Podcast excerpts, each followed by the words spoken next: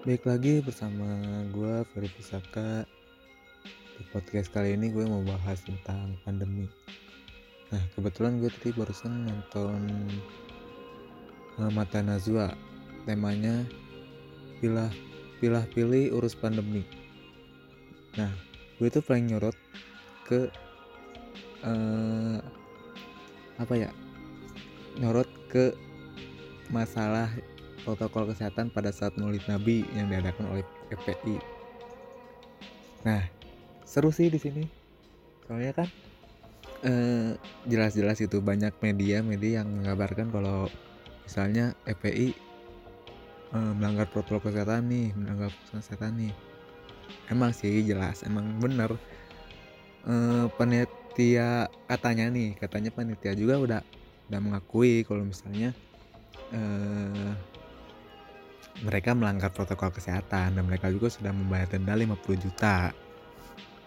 Nah, tapi masalahnya nih, masalahnya kan yang menarik tuh eh, Nazwa Sihab, Banana.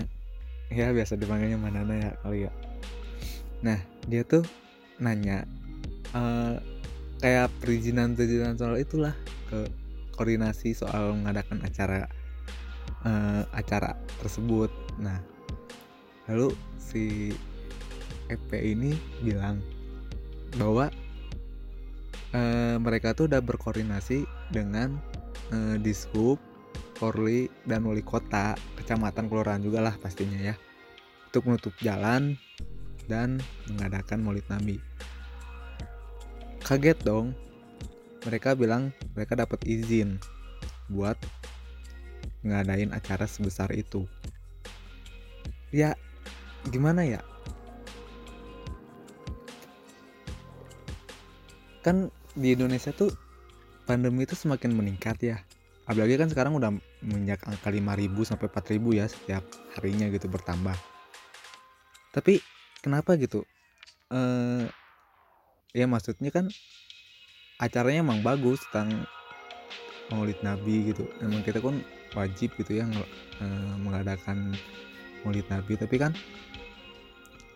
kondisinya yang tidak tepat malah jadi aneh gitu. Jadi kenapa bisa diizinkan? Nah ini menjadi tanda tanya besar kan? Terus eh, kebetulan juga kan di situ ada wakil gubernur DKI Jakarta nih. Siapa yang namanya? Lupa. Nah eh, di situ beliau tuh sebenarnya hadir pada saat acara. Tapi dia tuh bilang kalau eh, acara acara ini tuh apa ya namanya tuh dia hadir cuman dia kaget katanya kaget kalau masanya bakal sebanyak ini. Ya gimana? Nggak banyak lah. Pasti banyak atau apalagi kan emang kemarin tuh seminggu belakangan ini kan emang lagi naik-naiknya kan FPI gara-gara kepulangan eh, HRS ya pasti banyak lah kenapa gitu pemerintah segitu mudahnya memberikan izin untuk mengadakan acara tersebut. Sampai ada banyak yang marah-marah kan tuh di apa? Di di sosial media banyak yang marah-marah tuh uh, publik. Katanya uh, melanggar protokol kesehatan, hukum gak adil sana. Terlalu membela apa hukum hukum tajam ke gini gini gini. Ya, emang bener sih kalau misalnya opini publik tuh oh, publik bisa berkata begitu karena ya faktanya emang begitu. Kenapa? Uh, saat pandemi tetap tetap diizinkan untuk mengadakan acara yang berskala besar seperti itu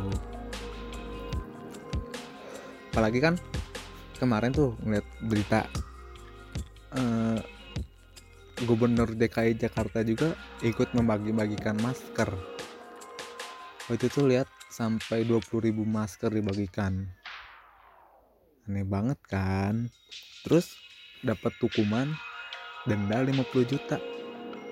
Nah, di sini nih aku lihat nih salah satu tweet orang gak ya siapa namanya lupa di Twitter dia bilang denda 50 juta nggak sebanding dengan 20.000 masker. Iya sih emang bener sih. Coba kalau kalau dikali kalikan nih.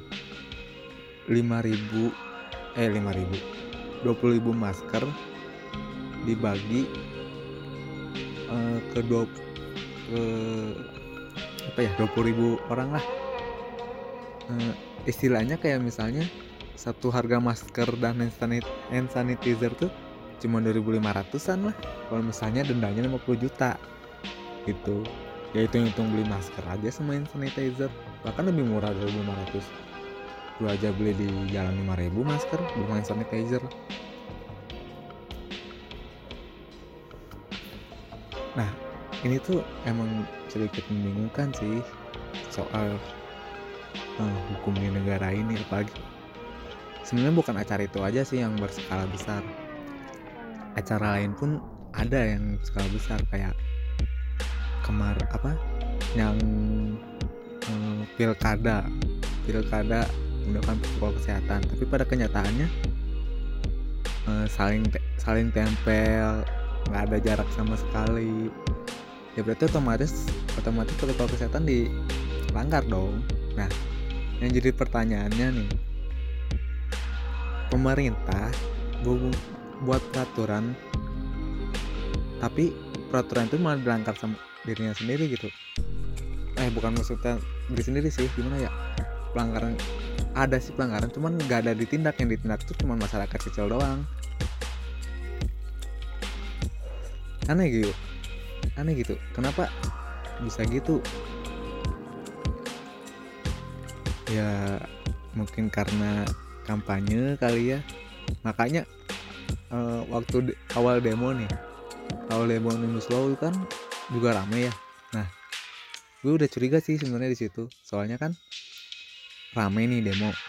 Nah kenapa bakal rame nih demo? Nah kenapa sih diizinin gitu buat kita demo demo demo gitu? Ini bukan maksud I bukan maksud gue nolak demo ya. Cuman ya namanya protokol kesehatan peraturan pasti harus diatati dong. Nah mungkin nih mungkin mungkin pet, eh, makanya demo diizinkan supaya mereka bisa kampanye saat pilkada. Jadi bisa nyerang balik ke masyarakat gitu. Bahwa bahwa ah demo juga kemarin rame nggak ada apa-apa. Ya udah kita ngadain pilkada rame-rame rame-rame gini bodo amat gitu kan. Nah tapi tapi nggak tahu juga. Itu mah cuma pemikiran sederhana lah dari gua. Nah jadi pada intinya eh, gue tuh mesti bertanya-tanya kenapa protokol kesehatan eh, peraturan protokol kesehatan ada tapi tetap dilanggar dan tindakannya tuh kurang gitu. Kurang kurang membuat efek jerah lah ya sekalian aja kalau gitu membuat konser musik dan sebagainya. Apalagi kan sekarang kalau apa aneh juga kan sekolah-sekolah juga masih ditutup. Aneh kan? Ya mungkin karena apa ya? E, karena